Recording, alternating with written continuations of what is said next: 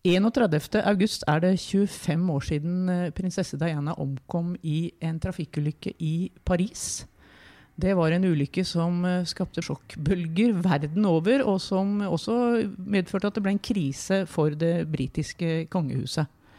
Jeg heter eh, Trine Andersen, og med meg i dag for å, å snakke om det som skjedde for 25 år siden, har jeg Anette Groth, som var NRK-korrespondent i London på denne tiden.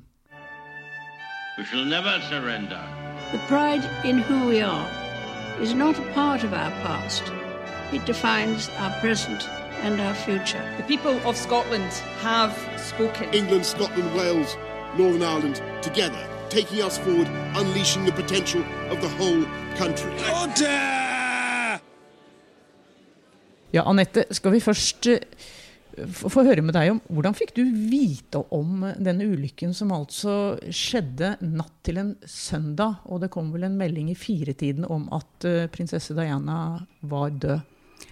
Ja, da var jeg akkurat eh, på vei hjem fra en fest eh, sammen med VG og andre kolleger i London. Og det var jo Vi hadde fest fordi lørdag var den dagen hvor det var lettest å ha en fest for korrespondenter som jobber 24 timer i døgnet. Så en av oss fikk en telefon om at dette hadde skjedd. Og da var det bare å komme seg hjem, sove noen timer og sette i gang. Men det er klart, vi var jo helt uh, sjokkerte og himmelfalne, vi som alle andre. Og du sier du fikk sove noen timer, det er jo nesten utrolig. Men etter det så var det var vel ikke mye søvn i den neste uka? Nei, eh, det var ikke det. Jeg fikk sove noen timer fordi eh, Jostein Pedersen, den kjente Grand Prix-generalen, også bodde i London. Og han tok de første timene. Men deretter så sov jeg vel minimalt i to uker. Altså det var full jobbing hele tiden. Og etter det også veldig mye, men særlig de første to ukene. Kan ikke du beskrive hvordan det ble seende ut i London etter hvert? For vi som, eh, vi som husker dette her, vi så jo bare TV-bildene og så disse, dette blomsterhavet som vokste og vokste og vokste utenfor Buckingham Palace, utenfor eh, Kensington Gardens der hun bodde, og det var vel også oppe i Balmoral der dronning, eh, dronningen befant seg. Men hvordan var det i London? Jeg reiste rundt hele byen. Jeg hyra en venninne til å kjøre meg. Og etter hvert fotograf og alt mulig. Folk gikk rundt i gatene og pratet om dette. Det var, veldig, det var mange flere mennesker ute og gikk akkurat eh, den dagen etter eh, enn det vanligvis var. Den søndagen? Ja, og det var veldig lett å komme i kontakt med folk. Men du så jo folk på gaten som gråt åpenlyst. Og som du sier, de gikk til de stedene hvor hun eh, hadde sine tilknytninger. Selv var jeg på et hjem for eh, folk som hadde hiv og aids, hvor hun hadde vært veldig aktiv. Og de var jo helt fra seg, for hun var jo deres store heltinne hiv-smittede og eh, ikke minst aids-syke var på den tiden nesten litt som pariakaste. Men hun holdt dem i hånden, hun ga dem klemmer og gjorde det som mange andre syntes var vanskelig. Og den type mennesker var det jo mange av som hadde et helt spesielt forhold til Diana. Og gatene Jeg kommer jo aldri til å glemme det. Mange hadde allerede fått tak i blomster og gikk og la dem eh, eh, Blant annet, som du nevnte, utenfor Kensington, eh, Kensington Palace. Kensington Palace, jeg sa Kensington Gardens her i stad, men det er selvfølgelig Kensington Palace hun bodde på. Det var der hun bodde. Ja. Og, ja, og det var At det virket som om alle var ute. Alle mennesker var ute, og ingen satt hjemme for seg selv. Um, og allerede i mitt nabolag så så jeg jo noen som hadde satt opp bilder av henne i vinduskarmene. Um, det var en helt spesiell stemning, og det er nesten umulig å beskrive. Og oppe i Skottland så satt dronningen og gjorde ingenting. Og det, det skapte jo virkelig en krise. Ja, altså dronningen og eh, Charles og barna og alle sammen var på Balmoral-slottet i Skottland. Som de alltid er på den tiden. Ja, Og det var stille. Veldig stille derfra. Og det er klart at det var det mange som reagerte på. Ikke med én gang. Fordi jeg mener, et, et døgn etterpå så er det ikke så rart om det er stille. Men um, et par døgn etterpå så begynte spørsmålene å komme. og etter hvert så kom det en eh, talsmann for henne, for dronningen, som sa at eh, hun måtte ta hensyn til sine barnebarn, William og Harry, og det var det viktigste, og derfor ble de på Balmoral. Men dette skriket om å se dronningen, det ble bare sterkere og sterkere. Og så mye har jeg aldri sett henne kritisert, verken før eller siden. Men hun kom jo etter hvert. Men det var jo rett før Dianas begravelse. Og hun holdt jo en tale også, en direkte, direkte TV-tale, hvor, hvor hun sto på Buckingham Palace, og du, så vel menneskemassen i bakgrunnen. Gjorde du ikke det gjennom vinduet? Jo da, og den, den gjorde jo enormt inntrykk. Og det er vel kanskje den mest personlige talen jeg har hørt henne holde. Hun snakket om Diana ikke bare som prinsesse av Wales, men som, eh, som mamma. Og hun snakket om henne som et verdifullt menneske som var opptatt av viktige saker. Og hun sa veldig mye pent om henne. Uh, og det var nødvendig altså, for å gjenopprette tilliten til det britiske folket. For da var det mye sinne mot dronningen. Men den talen gjorde enormt mye for at, uh, at de fremdeles var venner av det, nær sagt. Ja, det, snudde, det snudde på en måte Det snudde på Ja. stemningen mot stemningen, henne, ja. så absolutt. Ja, det Men, men en annen tale, skal vi snakke litt om det nå, for Tony Blair, som da var statsminister, han hadde bare vært statsminister noen få måneder da dette skjedde, han holdt jo en veldig berømt tale, veldig kort tale, men berømt tale oppe i, i Durham utenfor kirken i, det, i sitt eget valgdistrikt. Ja, og han var jo veldig tydelig preget av dette her, som vi alle jo var. Det, det var jo ganske, ganske spesielt og ganske spektakulært med denne ulykken hvor de blir, hun og kjæresten blir forfulgt av paparazzi-fotografer, og, og de da krasjer inn i denne tunnelen i Paris. Sånn at alle var jo helt uh, ute av seg på mange måter, og du kunne se på Tony Blair at han var veldig berørt av dette her. Men i det øyeblikket da han sto der eh, på gressplenen utenfor kirken i Durham, så laget han dette uttrykket som senere er blitt stående, nemlig 'The People's Princess'. Folkets eh, prinsesse. Og den talen ble også selvfølgelig husket. Blir husket. Ja, Det er jo virkelig en, en, av de talene han holdt som, som blir husket. Han skriver også om det i, i sin biografi, at han holdt mange taler, men det var kanskje den folk husket best, faktisk. Den som han bare skriblet ned på baksiden av en konvolutt, fortalte han. Og den var kort. Ja, den var kort. Den var bare 15-16 linjer, så vidt jeg eh, husker. Så det er jo virkelig en, en tale som Men du sier også den talen som dronningen holdt, gjorde også, også veldig inntrykk. Og, og den ble holdt et par dager bare før begravelsen, var det så? Det var vel dagen før, tror jeg. Ja. Og eh, som du sa, det var direkte fra Buckingham Ja. Palace. Og du så også på henne Det er ikke ofte at du ser henne vise følelser, men hvis det var noe i nærheten, så viste hun det den dagen. Um, og talen var veldig god. Du, vi bør vel nesten sette dette litt inn i en sammenheng. Det er 25 år siden da prinsesse Diana døde. Det er jo ganske mange som sikkert ikke husker henne. Og hvorfor, hvorfor var hun da så omstridt akkurat da, da hun døde? Hun var jo ikke noe medlem lenger av kongefamilien. Omstridt var hun ikke. Hun var ikke det? Eh, Nei, hun Nei. var ikke omstridt. Hun var snarere elsket Ja. av folket.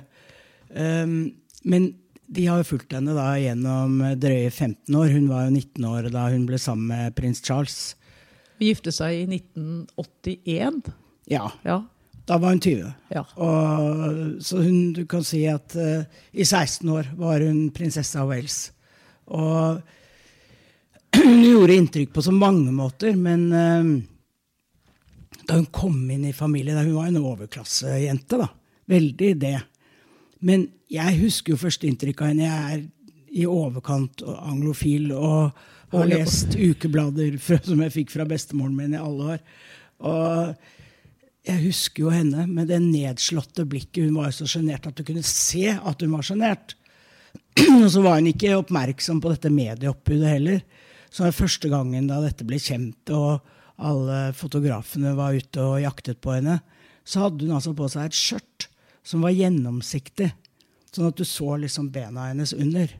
Og det hadde du jo aldri gjort hvis du visste det var sol, ikke sant? Og det skinte gjennom, og fotografene fikk sine bilder, og det var jo veldig spesielt. Det var det aller første inntrykket. Så øhm, var hun fremdeles som den sjenerte Diana i disse opptredenene før bryllupet, og i bryllupet også.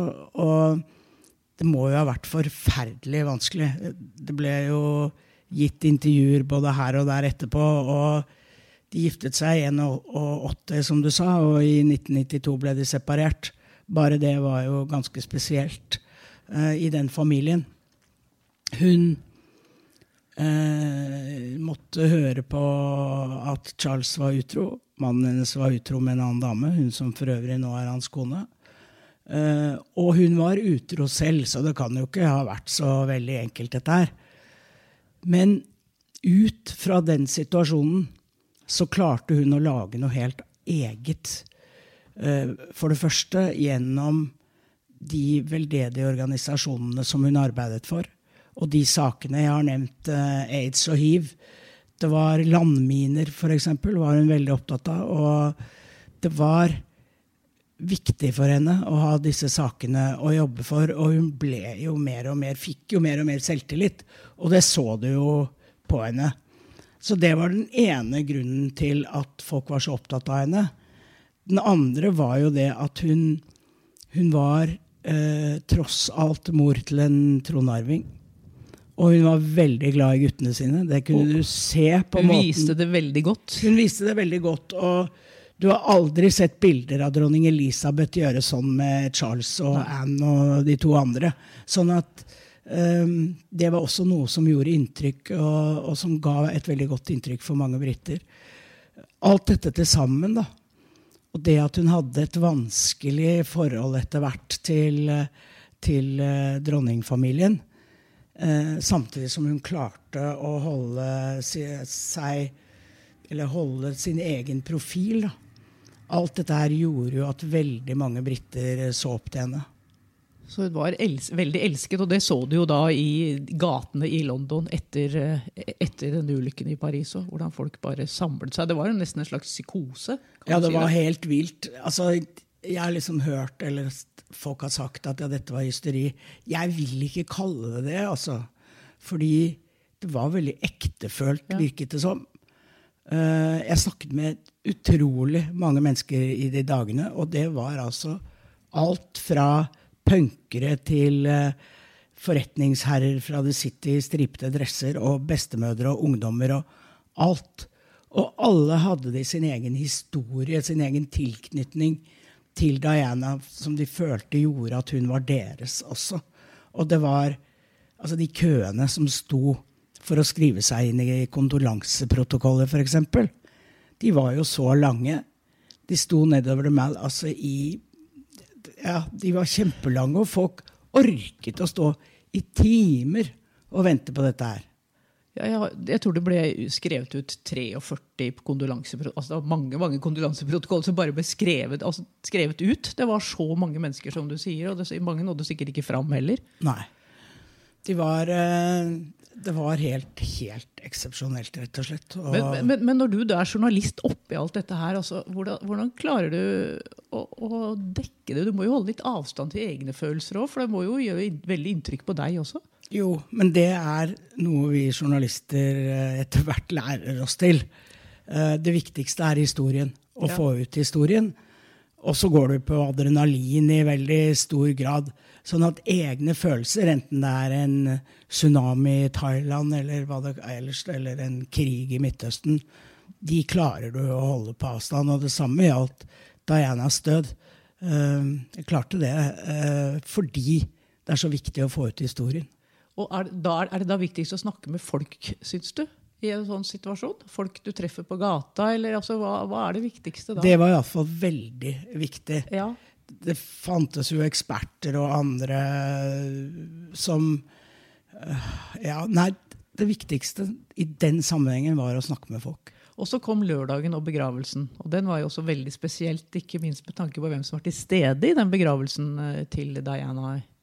Det går det vel an å snakke litt om, for det var jo ikke bare, det var ikke kongelig. Der var det jo mange kjendiser, f.eks. Ja, Så vi, var- vi fortalte litt om det livet hun hadde levd, som var litt annerledes enn de andre kongeliges. Nei, Det var jo selvfølgelig familien, men det var eh, mange kjente mennesker fra underholdningsliv og andre deler av, eh, av det britiske samfunnet. Han alle husker, tror jeg, det er jo Elton John. Det er helt sikkert. Som sang eh, den som Så vidt jeg vet, er den sangen aldri blitt fremført live senere. 'Candle in the Wind'. Egentlig skrevet til Berlin Monroe. Ja. Ja.